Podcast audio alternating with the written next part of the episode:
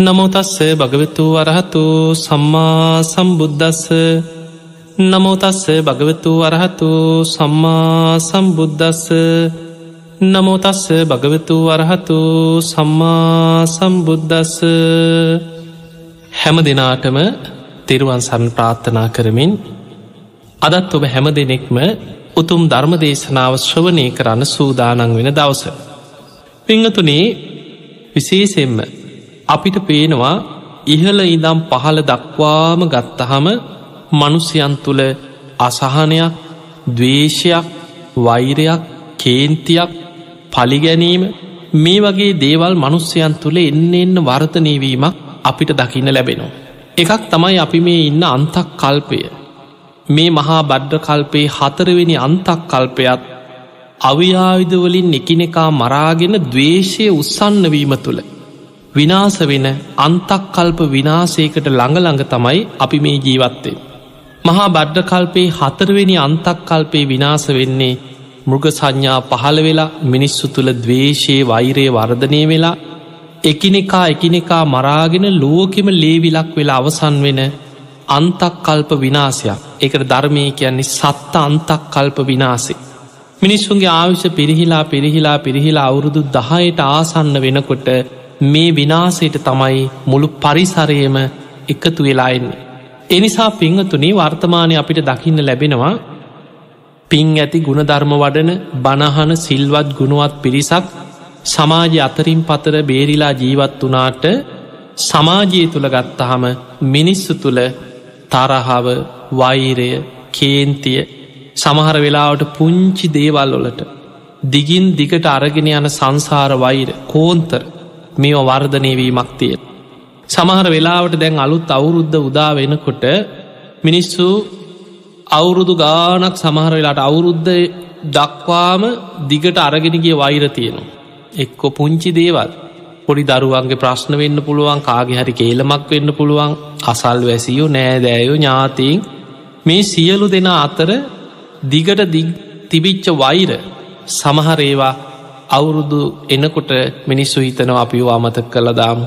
එහෙම හිතලා අවුරුද්ධ පටන්ගන්නකොට කැවුම් පිගම් බෙදාගෙන අර පරණ තරහා වෛර අමතක කරගන්න උත්සාහ ගත්තත්.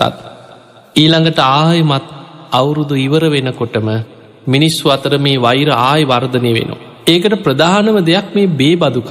බේබදුකම දුස්සීලකම මෙන්න මේවත් එක්ක මිනිස්සු අවුරුද්ධ අවසන් වෙනකොට ආයමත් අවුරුදු ඉවර වෙලා අර පරණ තරහ අමනාපකං අමතක කරලා ආයි ගෙවල්වල පාටිදාන්න බොන්න පටන්ගන්න. දැන් හිතවත්කමෙන් බීලා පරණ කෝන්තරා ඇදගන්න.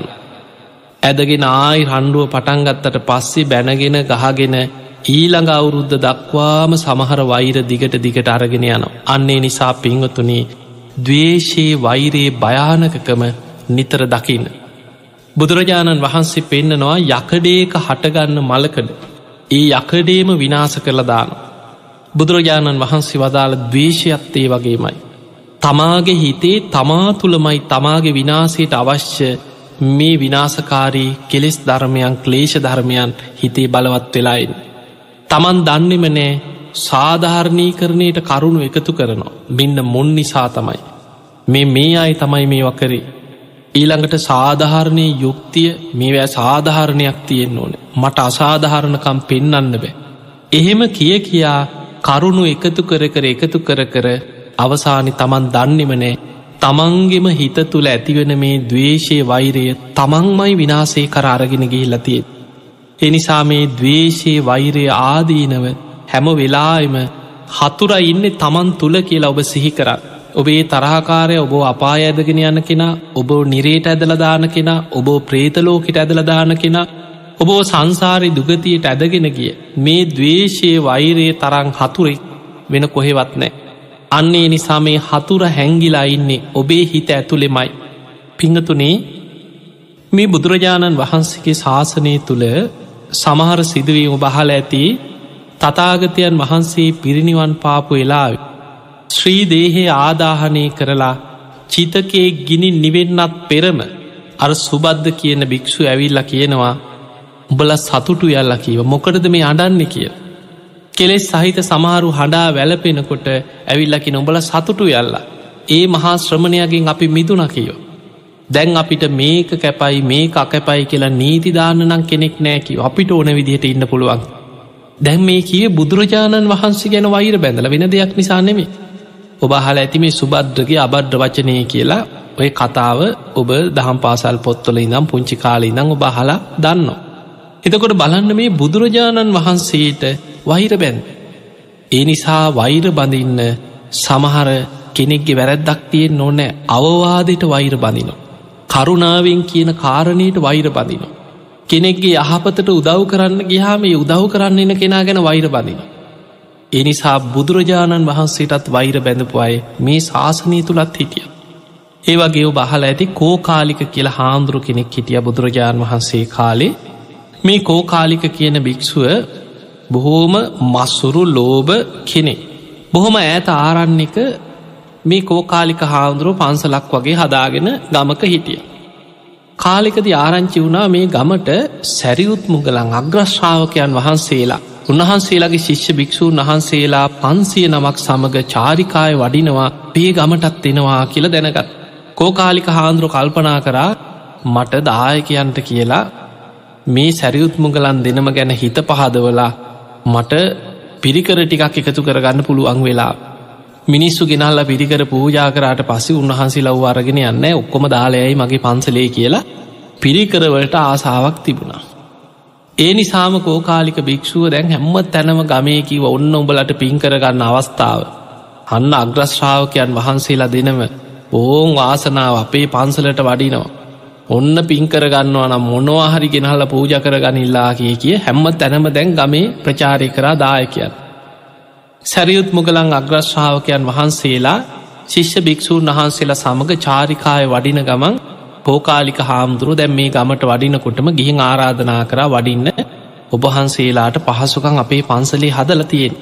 දින කීපයක් නවා තැන් ගන්න කියලා ආරාධනා කර උන්වහන්සේලා වැඩිය.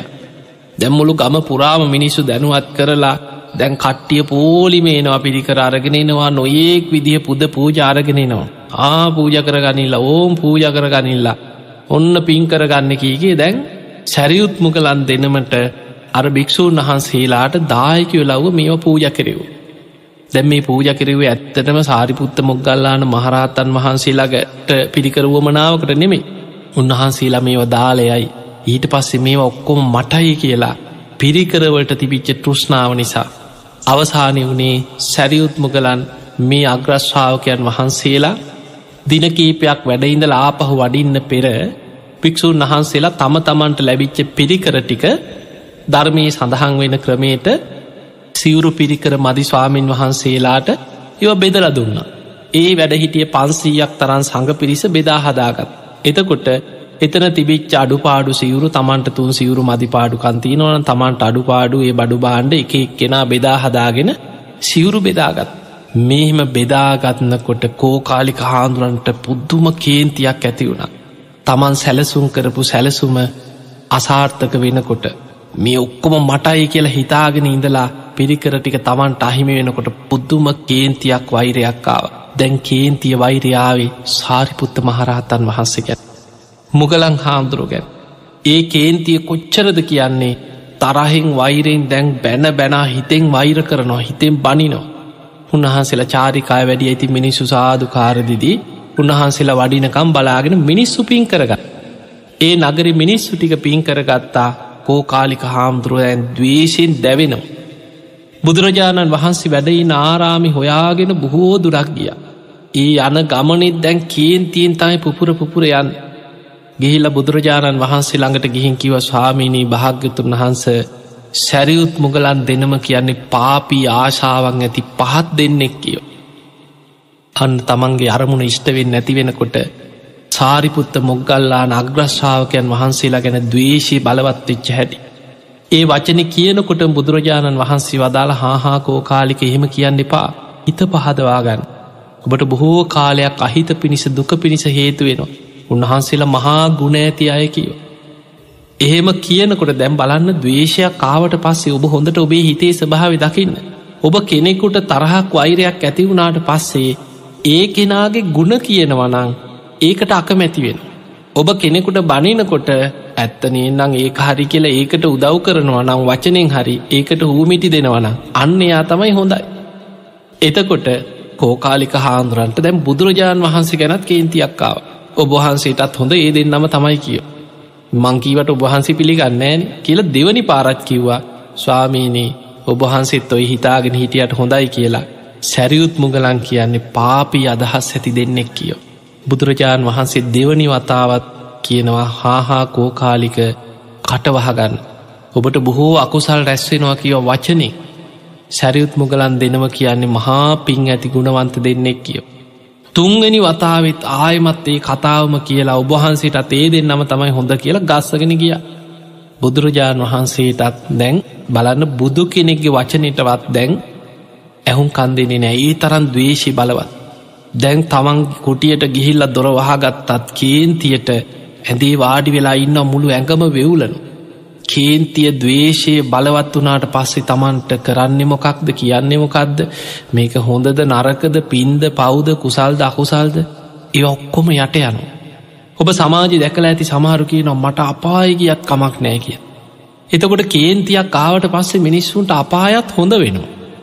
අපායන්නත් කැමති සමහර. හිරේ ගියත් කමක් නෑගෙන මාව එල්ලුම් ගහට ගියක් කමක් නෑ කිය. එතකොට ඒ මට්ටමට මිනිස්සු ආදීනවයට බය නැති වෙනවා. ඕන දෙයක් වෙච්චදේ. තමන්ට මොනවුනක් කමක් නෑ කියලා හිතෙනවා හතුරගින් පලිගත්තට පස්සේ. දවේශය කියන්නේ ඒ වගේ දෙයක්.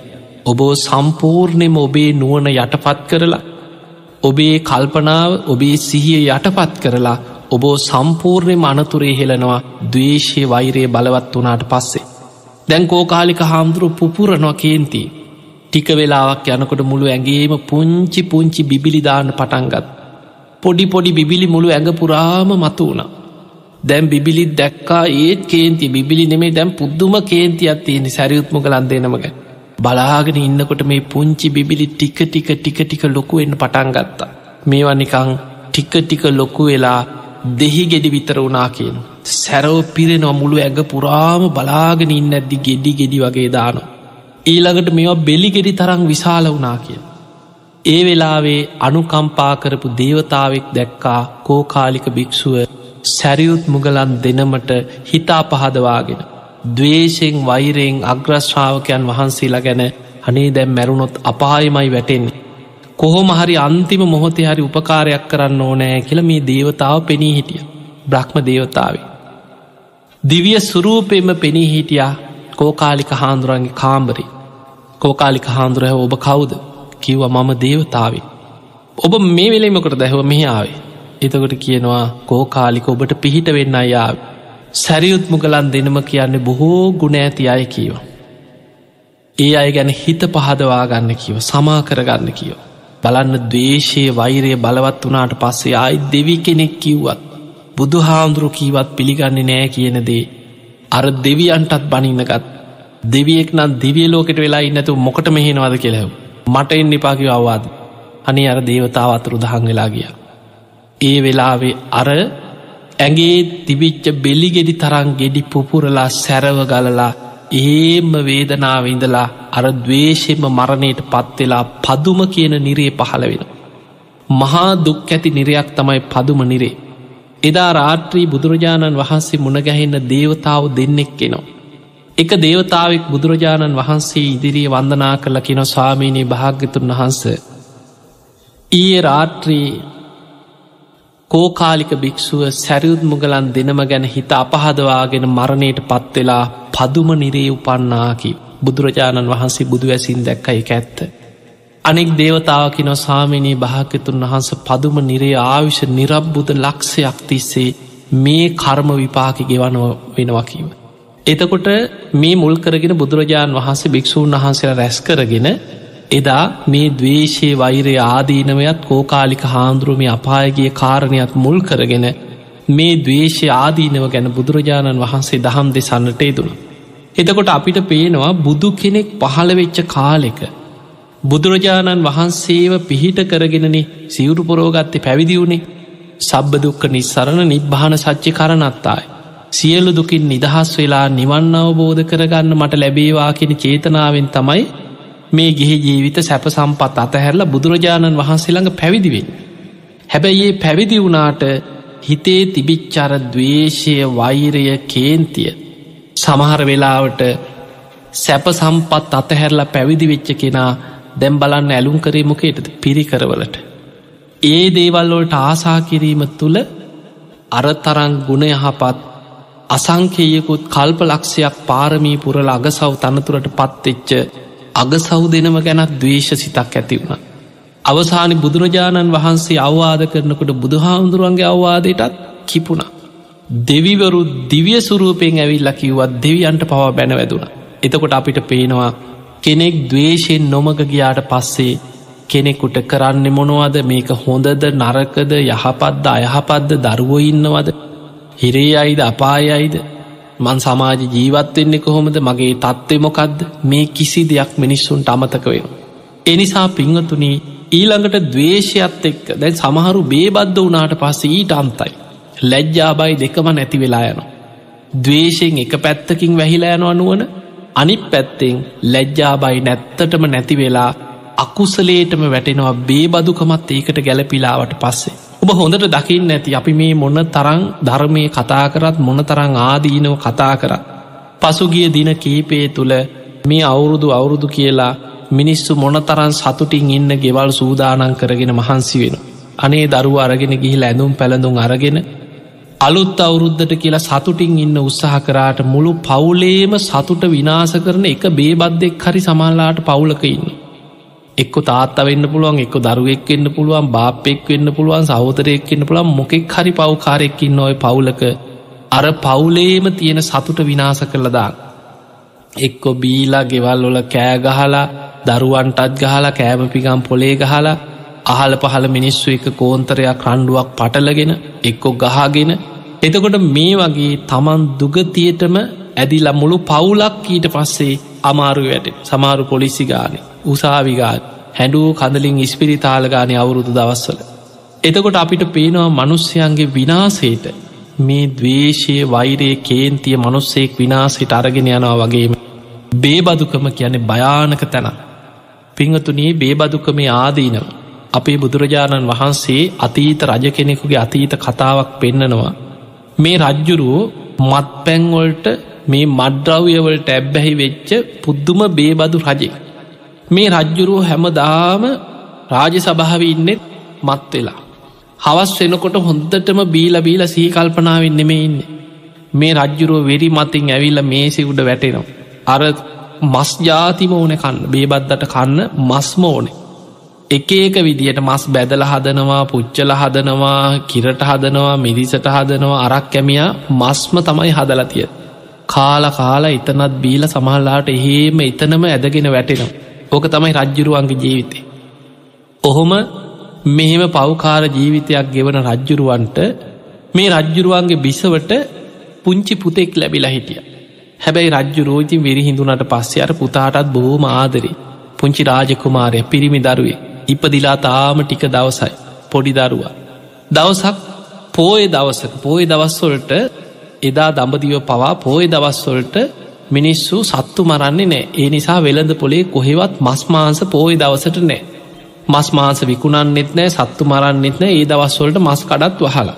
හැබැයි මේ රජ්ජුරුවන් වෙනුවෙන් දැන් කොහොමත් රජ්ජුරුවන්ට පෝයිද මොනවද කියලනෑ බේබද්දට මස්සෝන ඒ නිසා අරක් කැමිය කරන්නේ කලින් දවසේ මස් ගෙනහල්ල තියාගන්න පෝයි දවසට රජ්ජුරුවන්ට හදලදේ විශාල මස්කුට්ටියක් ගෙනහල්ල තියාගන්නවා හැමදාම පෝයි දවසට කලින් දවසේ එදා බැලින්නම් උදේ මස්කුට්ටිය බල්ලෙක් ඇදගෙන ගිහිල්ලා.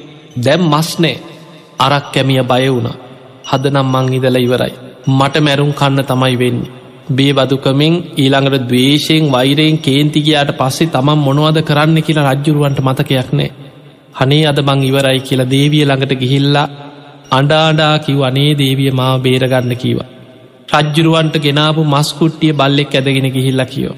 අනේ දේවිය මාව බේරගන්න ඒවිය දහතේ කල්පනා කරා වෙළඳ පොලේ කොහේවත් යවල බැලුව හැම්ම තැනම කොහෙවත් නෑ මස්කඩ ඔක්කොම වහලා පෝයි දවසට මස් නෑ අන්තිමට හවස් වෙනකොට දේවිය කල්පනා කරලා කීවා ඔය තියෙන දෙයක් මොනවා හරි හදන්න කියව. ඔය රජ්ජුරුව බීලබී ලැවිල්ලා ඔය වෙරි මතින් ඔය තියෙන දෙයක් කාලා නිදාගනී ඔය රජ්ජුරු ඇවිල්ල කෑම මේසි වාඩි වෙච්චක මම් මම් පොඩි එකා වඩාගෙන ඇවිල්ල රජ්ජුරුවන්ගේ පුතා රාජ කුමාරය අතට දෙන්නම් කියෝ. ඔය රජ්ජුරුව මොනවා වනත් දරුවට ආදරේ කියෝ. දරුසෙනිහස නිසා දරුව හුරතල් කර කෙර ඔය තියෙන එකක් කාල රජ්ජුරුව නිදාගනී උබ බයිවෙන්න පා කියෝ. දැන් ඔන්න අරක් කැමයිතින් කරන්න දෙයක් නෑ තියෙන දේවල් ටික එක ඒක විදිහට රසට හැදවා. තියෙන රසකාරක ඔක්කොම දාලා හැදුව හැබැයි මස් නෑ. දැන් මේසට ඇරලා තියෙනවා රජ්ජුරුව පුරුදු විදිහටම බීලා බීලා වෙරි මතින් ඇවිල්ල මේසිවුඩ ඉඳගන්නකොටම දේවිය දරුවා තුරුල් කරගෙන ඇවිල්ල රජතුමනී මෙන්න රජ්ජුරුවන්ගේ පුත්කුමාරයා කියලා පොඩි එකා දුන්න අතට. දැන් ඔඩොක්වේ දරුවා තියාගෙන දරුවත් හුරතල් කර කර කෝ ගනින් කෑම එක කියලා කෑම ටික කන්න ගන්නකොට කනලා කටට ගන්නකොටම මස් නෑ. අර පුරුදු රසේ නෑ. බැලු ඇස්සැරලා වෙරි මතින් බලනකොට මේසිවුඩ නෑ මොකුත් මස් අරක් කැමියට කතා කළකෙව කෝ මස් කියලැහු. තැන් අරක් කැමියා දන ගහගෙන වැඳගෙන කිව් අනේ රජතුමනී මට සමාවෙන්න. අද මස් නෑ කිව ඊ ගෙනාපු මස්කුට්ටිය මෙහෙම සතෙක් ඇදගෙන ගිහි අනේ රජතුමනි අද කොහෙවත් මස් නෑ කිව. වෙරි මතින් හිටපු රජ්ජුරුවෝ බලන්න දවේශයේ වෛරය කේන්තියාවට පස්සේ. තමන් මොනවද කරන්නේ තමන් කියන්නේ මොනවද මේක හොඳද නරකද මේ සියල්ල යට යන. කේන්තිය කොච්චර බලවද්ද කියන පුදුම කේන්තියක් ඇතිවුණා මමයි රජ්ජුරෝ යකෝ මටද මස් නැත්තේ. මෙන්න මේක උයල දීපං කියලා අර උඩොක්වේ හිටපු දරුවගේ බෙල්ල ඇඹරුව. ළමයගේ බෙල්ල අම්බරලත් දුන්නා මේක උයාපංකිවා. දැන් දේවිය හේම සිහිසුන්ව වැටුන අනේ මගේ දරවා කියලා දේවිය සිහි නැතු ඇදගෙන වැටුණ. කරන්න දෙයක් නෑ. රජ්ජුරුවන් කේන්ති ගිහිල්ලා ඉන්නේ. අර දරුවව වෙන්න වෙන්නම කෑලි කෑලිවලට වෙන්කර කර කොටසක් මිරිසට හැදවා කොටසක් තෙලට හැදවා කොටසක් බැදල හැදවා. හදල භාජනවලට ගෙනහල්ල මේස උඩ තිබ්බ. දැන් රජ්ජුරුව බිබී ඉන්න තිබ්බට පස්සේ කාල කාල කාලා බඩ පුරෝගෙන එහෙම වෙරි මතින් ඇදගෙන වැටුණ. රජ්ජුරුව දැන් එහෙම වෙරි මතින් නින්ද ගිහිල්ලා මහරාත්‍රී පාන්දර අවදි වුණා. අවදි වෙනකොට මෙන්න දේවිය බිත්තියක් මුල්ලක අඩාඩා ඉන්න. දේවිය නිදින අඩනවා. දැන් වෙඩි ටිකක් හිදිලා නැකිල්ලා ගිහිලැව දේවිය මොකද මේ අඩන්නේ. කෝ මගේ දරුව කියලැහු.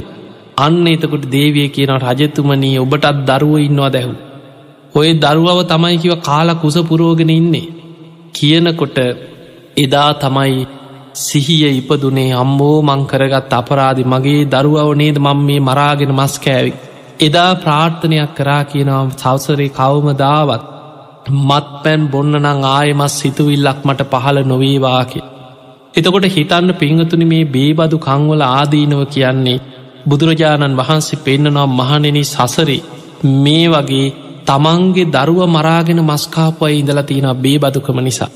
එනිසා පිංහතුනේ දවේශය වෛරය කේන්තිය ඊළඟට ඒවත් එක්ක බේබදුකමත් එකතුනාට පස්සේ මිනිස්සුන්ට මනුස්ස ගුණ ධර්ම නැත්තට නැති වෙලා යන තමන් කරන්නේ මොනවද කියන්නේ මොනවද මේක හොඳද නරකද? ඒ සියල්ල යටපත්වෙලා තමන් පහත්ම මට්ටමට ඇදගෙන වැටෙනවා. අන්නේ නිසා අද අප විමසල බලමු. හිතට ඇතිවෙන දවේශයක් වෛරයක් කේන්තියක් යටපත් කරගන්න ධර්මානුකූලව බුදුරජාණන් වහන්සේ අපිට පෙන්නන ප්‍රායෝගික උපක්‍රම පහක් තියෙනවා. මේක සඳහන් වෙන්න විතක්ක සන්ඨාන කෙන සූට්‍ර දේශනාව තුළ. මංචිම නිකායට අයිතේ විතක්ක සන්ඨාන විතර්ක සංසිඳවන ක්‍රම. විතර්කේනවා අපිට කාම විතර්ක ව්‍යාපාද විතර්ක විහිංසා විතර්ක. කාම විතර්ක කියන්නේ කෙලෙස් සහිත රාග සහිත අරමුණු ඔස්සේ හිත දුවනවා. ඒවා ඔස්සේම හිත බැඳිලා බැඳිලා යනවා. එතකොට ඒ රාගේ සිහිකර කර හිටියොත් නූපන් රාගේ උපදින උපන් රාගේ බලවත් වෙලා යනු. රාගෙන් හිත යට පත්වෙනවා රාග කාම විතර්ක ඔස්සේ හිත මෙහේවන්න කියෝ අයුනිසෝ මනසි කාරිටය වැටුණු. එළඟට ව්‍යාපාද විතර්ක ව්‍යාපාද තරහාවකේ අසෝලා මට මෙහෙම කර මුම්මට මෙහෙම කරා මට මෙහෙම කියලා තියෙනවා මට මේ වගේ මාව පහත් කර එහෙම හිතන්න හිතන්න නූපන්දවේශය උපදිනවා උපන්දවේශය බලවත්වෙනවා. ව්‍යාපාද විතර්කයේ තුළ අයෝනිසෝ මනසිකාරය යෙදුණොත්. දවේශයෙන් තමන් සම්පූර්ණෙම නොමග ගිහිල්ලා තමන් විනාසයට පත්වෙනු. ඊළඟට බුදුරජාණන් වහන්සේ පෙන්න්නනවා හිංසා සිතුවිල් විතර්ක ඇති වෙනවා. මරන්න ඕන කපන්න ඕන කොටන්න ඕන බලන මිනිස්සු වගේ කතා කියනවා.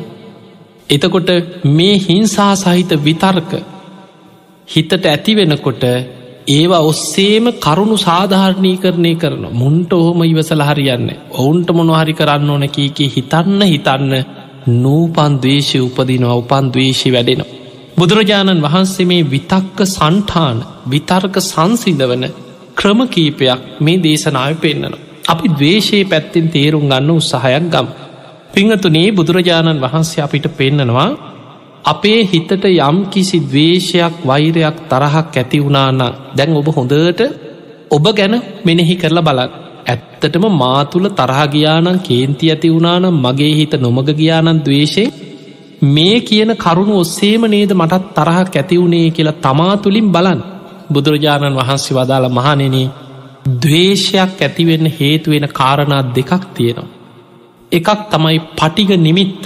අනිත් එක තමයි අයෝනිසෝ මනසිකාරය අන්න ඔබට දවේශය ඇති වුණානං ඒකට මූලබීජවෙච්ච ප්‍රධානම කාරණා දෙක තමයි පටිග නිමිත්තයි අයෝනිසෝ මනසිකාරය. පටිග නිමිත්ත කියන්නේ කේන්තියන මොකක් හෝ කාරණයක් යෙදෙනවා. එක්කෝ ඇහෙන් දැකපු දෙයක්. එක්කො කනෙන් අහපු දෙයක්. එක්කො නාසේට දිවට කයිට මොනහරි දැනිච්ච දෙයක් විදිච්ච දෙයක්. මොකක් හරි මේ දැනිච්ච දෙයක්. ඒ දැනිච්ච දේ එක්ක එක නිමිත්තක් හැටියට අපේ හිත ගැටෙන අපි අප්‍රිය අමනාප අරමුණක් එනවා එක පටික නිමිත්තා. අන්නේ නිමිත්ත ඔස්සේ අයෝනිසෝ මනසිකාරයේ දෙනවා. අයෝනිසෝ මනසිකාරයේ දෙනවා කැනෙ කෙලෙස් ඇතිවටන විදිහට වැඩෙන විදිහට නෝපන් දවේශය උපදින විදිහට උපන් දවේශයේ බලවත් වෙන විදිහට අපි අපේ කල්පනාව මෙහෙවනෝ. දැන් ඕක තවත් තේරෙන්න කියන්නම් මෙහෙම අපි හිතමු ඇහෙන් දකිනවා මොනව හරි දෙයක් අප හිතමු. කනත්තිති ඔයොක්කොම ඉන්ද්‍රියන් සම්බන්ධන ඇස කණනාසේ දිව ශරීරය. මනස මේ පංච ඉන්ද්‍රියන්ගෙන් අපි මේ පංච ඉන්ද්‍රියන්ගෙන් තමයි අපි මේ සියලු අරමුණු අපි ගෝචර කරගෙන සමාජයත් එක්ක මේ සිතුවිලිත් එක්ක බැඳි බැඳි යන් දැන් කවුරු හරි අපි හිතමු ඔබට ඇවිල්ල බැන්න කියලා.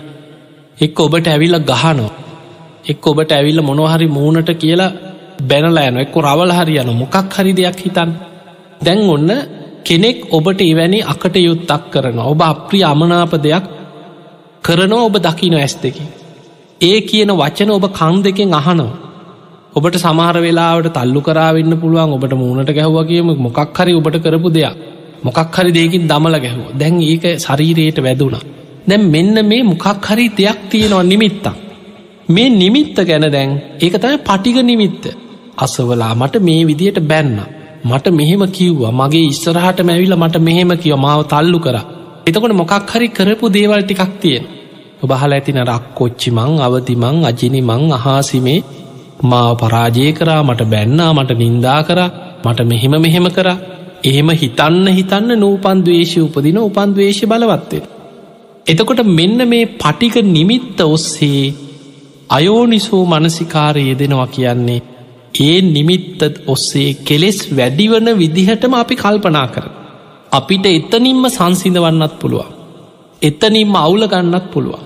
එතනින් සංසිඳවනවනං එයාට හිත් ඒකට ගැන යෝනිසෝ මනසිකාරී. නුවනින් හිතනවා කෙලෙස් යටපත්වෙන විදිහට හිතනවා. අපි හිතම ඒ නිමිත්ත ගැන මෙයා හිතනවා අනේ යා කරගත්ත දෙයාගෙනයයි. මංමොකටද මේ කවුරුත් නිසා මගේ හිතේ තරහක් ඇතිවෙන්. තවත් දියුණුවෙන් හිතන්න පුළුවන් කවුරු හරි බැන්න කියලා හිතමු බුදුරජාණන් වහන්සේ අර පින්ඩ පාත පාරිශුද්ධි කියන සූට දේශනාය පෙන්න්න මහනෙන නුඹල පින්ඩ පාත යනකොට කවුරු හෝ නපුරු විදිහට බනිනවා. හිතකොට හිතන්න කියනවා කනයි සබ්දයයි විඤ්ඥානයයි නිසා කනේ ස්පරසයක් ඇති වුණ. කනත් අනිත්‍යයි ඒ සබ්දයත් අනිත්‍යයි විඤ්ඥානයත් අනිත්‍යයි. ඒ අනිත්‍ය වූ ස්පර්සයෙන් විඳීම් ඇතිවෙනවා. ඒ බනින සබ්දය හරි හඳුනගන්න හඳුනගත්ත සබ්දය ගැන චේතනා ඇති වුණ මේ ස්පර්සය අනිත්‍යයි විඳීම අනිත්‍යයි හඳුනා ගැනීම අනිත්‍යයි චේතනාව අනිත්‍යයි කියලා අනිත්‍ය මෙනෙහි කරන්න කිය. එතකොට කෙනෙ බනිද්දී අරමුණෝස්සේම පංචුපාදානස්කන්දය අනිත්‍යම ධර්මාවබෝධයට යොමු කරගන්න පුළුවන් කිය. ඊළඟට බුදුරජාණන් වහන්සේ පෙන්වා සාරිපුත්ත යමෙක් පින්ඩ පාත යනකොට නපුරු මිනිස්සු දරුණු මිනිස්සු ඔබට ගල්මුල්වලින් දඩු මුගුරුවලින් දමල ගහයි කියෙන්. හිත ඉහලට වඩාගත්ත කෙනා අපි ගම කවරුවට ගලකින් ගැහුව පින්ඩ පාතයනක පොල්ලකින් දමල ගැහු ඒ පොළු පාර ඇවි ලැගේ වැදුන කියලා හිතන් එතකොට හිත වඩපු හිත දියුණු කරගත්ත කෙනා දැම කෙලෙස් සහිත කෙනානං එක පාට කේන්ති මොකාද මට ගැහුව කියල බලනවාන. ඒක තමයි සාමාන්‍ය කෙලෙස් සහිත කෙනාගේ ස්භාවේ කේන්තියෙන් සැනින් හැරිල බලනවා. ඒ නිමිත්ත ඔස්සේ වෛර බඳිනො එතනීද හැබැයි බුදුරජාණන් වහන්සේ වදාළ මහනෙන හිත වඩපු කෙනා පහරක් වදිනකොට හිතන්නේ කයයි පහසයි විඤ්ඥානය එකතු වෙනවා. මේ කයත් අනිත්‍යයි ඒ පහසත් අනිත්‍යයි ඒ විඤ්ඥානයත් අනිත්‍යයි. ඒ කරුණු තුන එකතුවට කෙනවා කයේ ඉස්පර්සි ඉස්පර්සි නිසා තමයි කායික විඳීමක් ඇතිවුණේ. හිවිඳීමත් අනිත්‍යයි. පහස හඳුනා ගැනීම අනිත්‍යයි. හඳුනාගත් පහස ගැන චේතනා ඇත්වීම අනිත්‍යයි කියලා කෙනෙක් ගැහුවත් දඩුමුගුරුවලින් ගල්වලින් ගැහුවත් ඒ වදින පහර තුළත් අනිත්‍යම දකින්න කියන වේදනානු පස්සනාව වඩන්න. ඒ තුළ පංචුපාදානස්කන්ද දුකම මෙනෙහි කරන්න පුළුවන් කියන. එතකොට මිනිස්සු බනින අතරේ ගහන අතරේ වුනත් ආරක ගියත් භාවනාවෙන් හිත විසිරෙන් නැතුව ධර්මාවබෝධයටම හිත වඩාගෙන යන්න පුළුවන්. ඒක ඉහලටම හිත වඩපු දියුණු මනසක් ඇති කෙනෙකුටයි ඒදේ කරන්න පුළුවන්. එතකොට බලන්න බුදුරජාණන් වහන්සේ පෙන්න්නනවා ඒ තරං හිතක් දියුණු කරන්න පුළුවන්කම තියෙන. තින් එහෙම නං ඔබ හිතන්න. ඔබට කේන්තියක් ඇතිවුණා නං ඔබට ඒ මට්ට මෙම ඉහලට දියුණු නැතත් ඔබට සාමාන්‍යෙන් හරි එතනම සංසිදවන්න පුළුවන්. ඒ තමයි ඔබ හිතනවනං කර්මයට අනුව හිතත් යා කරගත්ත දයාගෙනියයි මංමොකටද කවුරුත් නිසා මගේ හිතේ දවේශයක් ඇති කරගන්න. ඒ නිසා මගේ හිතට තරහක් කේන්තියක් වෛරයක් ඇතිවුණොත් අමාරුයි වැටෙන්නේ මමයි. මගේ හිතයි නොම කියන්නේ අකුසල් රැස්වෙන්නේ මටයි. ඒ නිසා මගේ හිත මං රැකගන්නවා කියලා එහෙම හිතන්න පුළුවන්න අන්න යෝනිසෝ මනසිකාරි. ධර්මයට අනුකූලව හිතනවා නුවනින් හිතනවා. ඒ තුළ අර ඇතිවෙච්ච දවේශය වෛරය එතනම සංසිදව ගන්න පුළුවන්. ඒක තමයි පලවෙනියටම සංසිදව ගන්න තියෙන ක්‍රමේ. යම් නිමිත්තක් ඔස්සේ අයෝනිසෝ මනසිකාරය යෙදෙනකොට නූපන්දවේශය උපදිනවා නං උපන්දවේශය බලවත්වෙනවා නං ඒ නිමිස්ත ඔස්සේ අයෝනිසෝ මනසිකාරී දෙන්න නැතුව කුසල අරමුණකට ගන්නවා. යෝනිසෝ මනසිකාරයකට හිත යොමු කරගන්න. එක්කෝ කවුරු බැන්නත් අනේ ආකරගන්න දෙයාගෙනයයි කියලා තමන්ගේ පාඩුවේ ධර්මය හිතනවා මෛත්‍රිය වඩන. බුදුගුණ ටික හිතනවා බණපොතක් ගැන හිතනවා. අහපු බණක් මෙනෙහි කරනවා. තමන්කරපු යහපත් දෙයක් හිතනවා. එතකොට අර අකුසල අරමුණ ඔස්සේ හිතයන්නේ නැතුව තමන්ගේ හිත රැකෙනවා. අන්න බුදුරජාණන් වහන්සේ විතක්ක සන්ඨාන සූත්‍රය අපිට පෙන්නන පලවෙනිම ප්‍රායෝගික ක්‍රමේ ඔබ ක්‍රමටික මතකතියාගත් ඔබද කේන්තියක් වෛරයක් දවේශයක් ඇතිවුණාට පස්සේ ඔබේ හිතේ ඒ වෛරයේ බලවත්වෙන්න ඉඩ නොදී එතනම යටපත් කරගෙන එතනම සංසිඳවාගන්න පුළුවන් ඒ කේන්තිය ඔස්සේ මෙනෙහි කරන්න ඇතුව හිත වෙන කුසල අරමුණකට ගන්න කියන යා කරගන්න දයාගෙනය මංමොකට මේ කවුරුත් නිසා දවේශයක් උපදවගන්න කියලා එතනින් මේක හිතෙන් අතහරි අතහැරලා තමන් වෙන බණදහමක් ගැන එක බණ පොතක් කියවනවා වත්තරයක් බලන මොනවහරි හිත වෙන අරමුණකට යොමු කරගන්නවා අර පටිග නිමිත්ත ඔස්සේ හිත අයෝනිසෝ මනසිකාරී වැඩෙන්න දෙන්නේ. බුදුරජාණන් වහන්සේ වදාළ මහනෙන දෙවනි උපක්‍රමේ තව එකක් කෙන්නවා. ඒ තමයි බුදුරජාණන් වහන්සේ වදාළ මහනෙනේ යම් පටිග නිමිත්තක් ඔස්සේ. අයෝනිසෝ මනසිකාරය යෙදෙනකොට නූපන්දවේශය උපදින උපන්දවේශය බලවත්. දැන් කෙනෙක් අර දවේශ සහිත සිත යටපත් කරගන්න අදහසින් කුසල අරමුණකට හිතගන්නවා කියල හිතන් අපි කියව පලවෙනි උපක්‍රමේ තැන් යාඒ අමතක කරගන්න එක පොතක් කියවුණු. එක්කු බණක් අහනෝ. එක්කෝ රූපාහිනිය දාගෙන හරි බලනවා. එක්කො අත්තේ ඇවිදින්න යනවා. සමහරු කොයි හරි ගමනක් යන හිතේ ප්‍රශ්නාමතක කරගන්න කොහේ හරි ඇවිදල කරලායිනවා. නෑදෑගෙදරක යනවා. එතකොට මේ වගේ ප්‍රායෝගික සරල ක්‍රම තුළින් අර හිත කෙලෙස් සහිත අරමුණ ඔස්සේම දුවන එක නවත්ත ගන්න පුළුවන්. හැබැයි බුදුරජාණන් වහන්සේ වදාලා මහනෙන දවේශය බලවත් වනාට පස්සේ.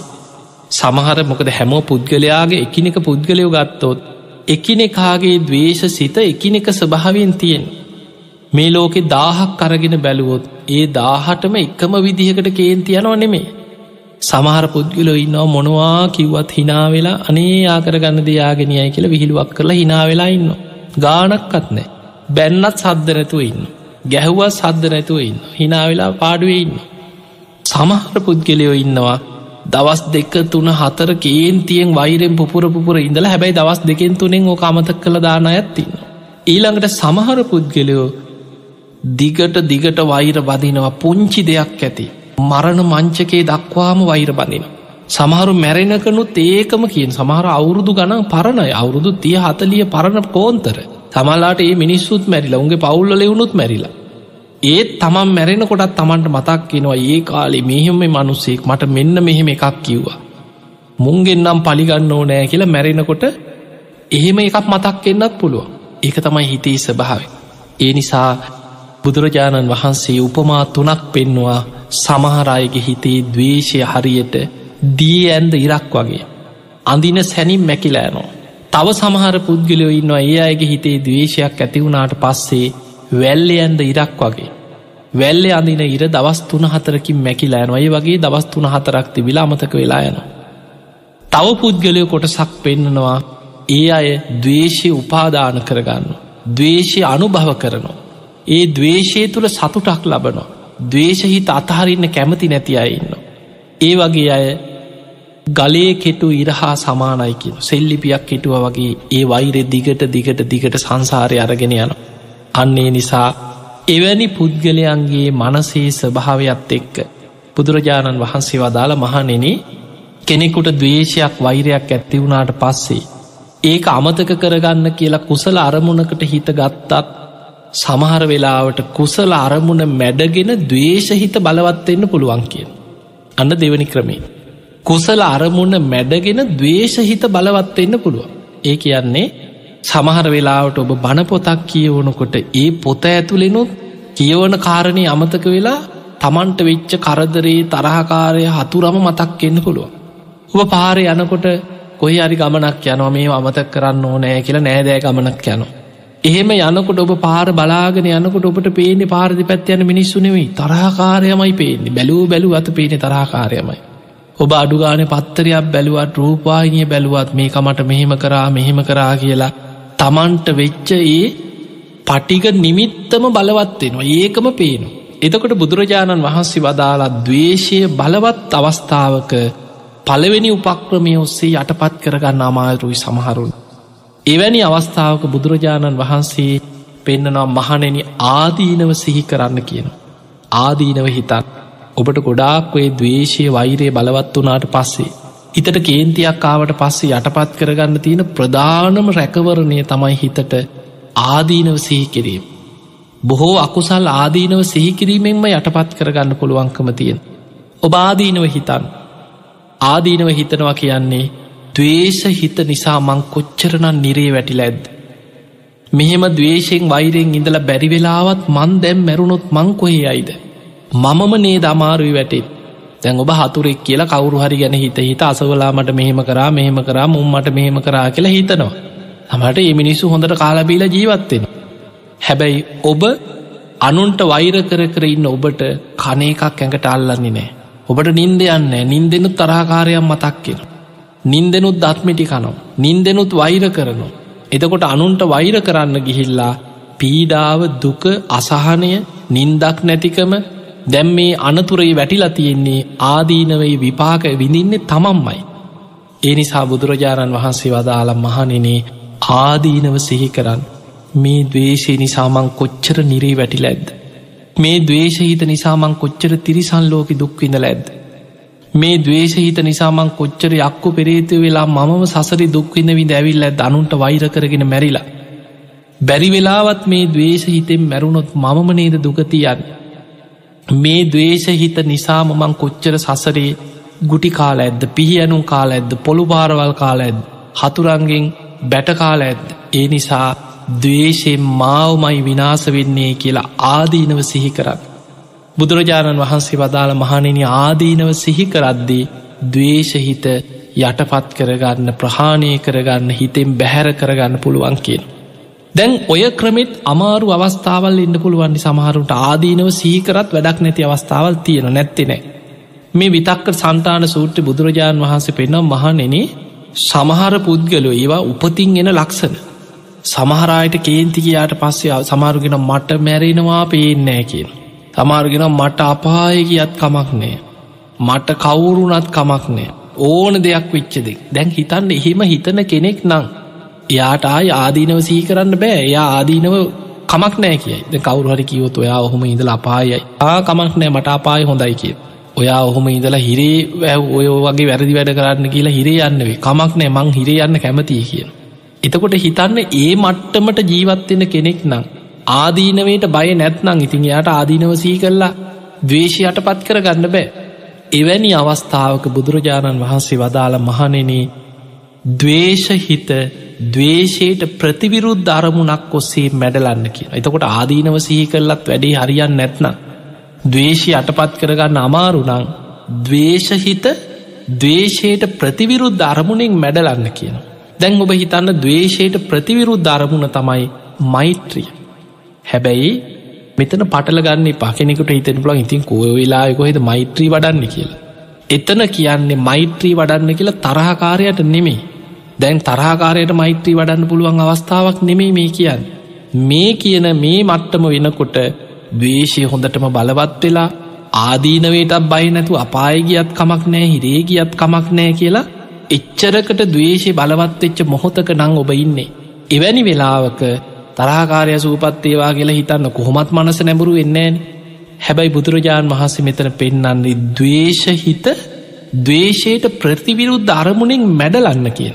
දැන් ඔබ බලන්න දවේශ හිත තියෙන කාතුලද ඔබ තුළ ඒ නිසා දවේශය ඇති වෙලා තියෙන තරාකාරය තුළ නෙමේ ඔබ තුළ අනුන් ගැන හිතලා හිතේ දුක්විනින්න පීඩාවිඳන්න දවේශෙන් අසරණ වෙන්නේ අසහනයට පත්වනේ ඔබමයි.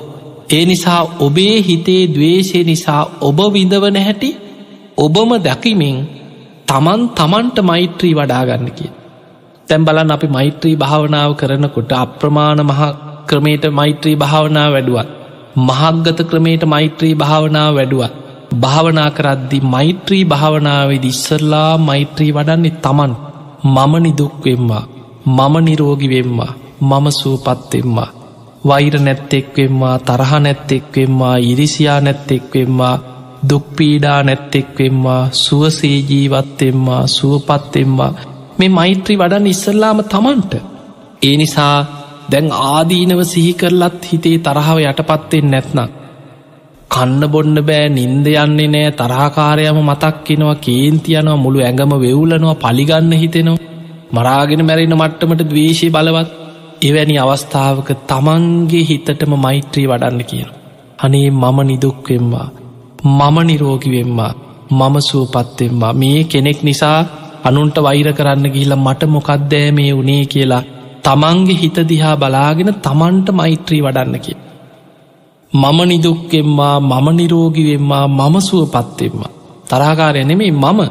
එනිසා ඉස්සල්ලා මම නිදුක්කෙම්වා මම නිරෝගිවෙම්වා මම සුවපත්තෙම්වා කියලා තමන්ගේ හිතටම මෛත්‍රී වඩන් ඒක බුදුරජාණන් වහන්සේ පෙන්නම් මහනෙනී හොඳට තමන් අරමුණු කරගෙන හිස් මුදුනෙහිදම් පාදාන්තයටම තමන්ගේ ශරීරයම අරමුණු කරගෙන මේ දවේශය නිසාමං කොච්චර පීඩාවකට පත් වනාද තරහාව නිසාමං කොච්චර පීඩාවට පත්වෙලාද අනුන්ට වෛර කරන්න ගිහිල්ල මට කොච්චර නම් මානසික පීඩනයක්ද? ඒ නිසා මම නිදුක්වෙම්වා මම නිරෝගවෙම්වා මම සුවපත්වෙම්වා වෛර නැත්තෙක්වෙම්වා තරහ නැත්තෙක්වෙම්වා ඉරිසියා නැත්තෙක්වෙම්වා දුක්පීඩා නැත්තෙක්වෙම්වා සුවසේ ජීවත්තෙම්වා සාන්තසුවයට පත්තෙම්වා කිය කිය තමන්ටම තමන් මෛත්‍රී වඩ. බුදුරජාණන් වහන්සේ පෙන්නම් මහනිනි මෛත්‍රිය කියන්නේ ගින්දරකට කුකුල් පිහාට්ටක් ලංකරා වගේ කියන. දවේශ හිත තමා තුළම ඇකිලිලා යනවා. මෛත්‍රී වඩන්න වඩ. එක බුද්ධ වචන. ඒක සත්‍යයක්. බුදුරජාණන් වහන්සේ බුද්ධ වචනයෙන්ම පෙන්නනවා සත්‍යයක් හැටියට මහනෙනේ තැන් කාටවත් කියන්න බෑයිතකොට නෑ. මෛත්‍රී වඩනකොට දේශය යටපත්තෙන් නෑ කියලා කාටවත් කියන්න බෑ. බුදුරජාණන් වහන්සේ පෙනම් මහනෙනේ මෛත්‍රිය වඩන්න වඩන්න දවේශහිත ගින්දරකට කුකුල් පිහාට්ටක් ඇල්ලුව වගේ කියලා. තැන් ඔබ හිතන්න ගිනි ගොඩක් තියෙනවා. මේ ගින්දරට කුකුල් පිහාට්ටක් හරි මේ කුරුල්ල එක පිහාට්ටක් අල්ලපු ගමන් මේ කුකුල් පිහාට්ට උුණු වෙලා ඇකිලිලා තමන්ගේ පැත්තටම ඇකිලිලා යනු බුදුරජාණන් වහන්සේ වදාළ මහණනයේ වගේ දවේශයෙන් ඇවිස්සිච්ච හිත තරහෙන් කේන්තියෙන් වෛරයෙන් ඇවිස්සිලා තමන්ට පාලනය කරගන්න බැරි හිත තමා තුළම ඇකිලිලා යනවා කියෙන් තමා තුළම යටපත්වෙනවා තමා තුළ සැඟවිලා යන. එහෙමනම් දවේශහිත යටපත් කරගන්න දවේශහිත සංසිඳවාගන්න දවේශ සහිත හිත මෙල්ල කරගන්න තියෙන එකම ක්‍රමේ තමයි තමන්ගෙම හිතට තමන් මෛත්‍රී වැඩීම තමන්ට මෛත්‍රී වඩ අන්න බුදුරජාණන් වහන්සේ පෙන්න්නනවා විතක්ක සන්ටාන සූත්‍රයේ තුළ ඉතාම ප්‍රායෝගිකයි. ඊළඟදේ තමයි බුදුරජාණන් වහන්සේ පෙන්වා එහෙමත් අමාරුමන මෛත්‍රියයට හිතහදාගන්න තවත් දමනය කරන්න තියෙන ක්‍රමයක් තමයි තමන්ට කේන්තිය හොඳටම වැඩිනං දිව උඩු තල්ලට තියල තද කරගන්න කිය. දත් මිටි කාගෙන දත් හපාගෙන තමන්ගෙම හිතට තමන් ගරහ කරන්න තරාකාරයට නෙමේ තමන්ගේ හිතට තමන්ගේ දවේශ හිතට තමන් ගරහ කරගන්න කියෙන්. ඒ හිත උඹ මාව අපායට ගෙනියන්නද මේ හදන්න. ඒ දවේශ සහිත හිත නුබමාව දුගතියට ඇදලදාන නේද මේ හදන්නේ. නුබමාව විනාස කරන්න නේද හදන්න කියලා තමන්ගේ හිතට තමන්ම දත්මිටි කාගෙන ගරහ කරන්න කිය. එතකොට බලන්න දැම් මිනිස්සුන්ට කේන්තියක් ආපු ගමන් බනින්න පිට මිනිස්සුන්ට. තරහ මේ මුන් තමයි හතුරු මුන් තමයි මට මෙහෙම කරේ මෙවුන් තමයි මේ ඔක්කොම කරේ කියලා ප්‍රශ්නි දාන්න එලියට හැබැයි බුදුරජාණන් වහන්සේ වදාලා හතුරා ඉන්නේ තමන් තුළමයි තමන්ගේ හිත ඇතුළෙමයි. ඒ නිසා තමන්ගේ හිත ඇතුළෙ ඉන්න දවේශය වෛරය කේන්තිය පලිගැනීම මේ හිත ඇතුළේ යටපත් වෙලා හැංගිලා ඉන්න හතුරා දමනය කරගන්න හතුරයින්නේ තමන් තුළ කියලා තමන් දකින්න. එහෙම දකින කෙනාට තමා තුළ මතුවෙන දවේශය වෛරයේ සංසිඳවාගන්න පුළුවන්කම තියෙන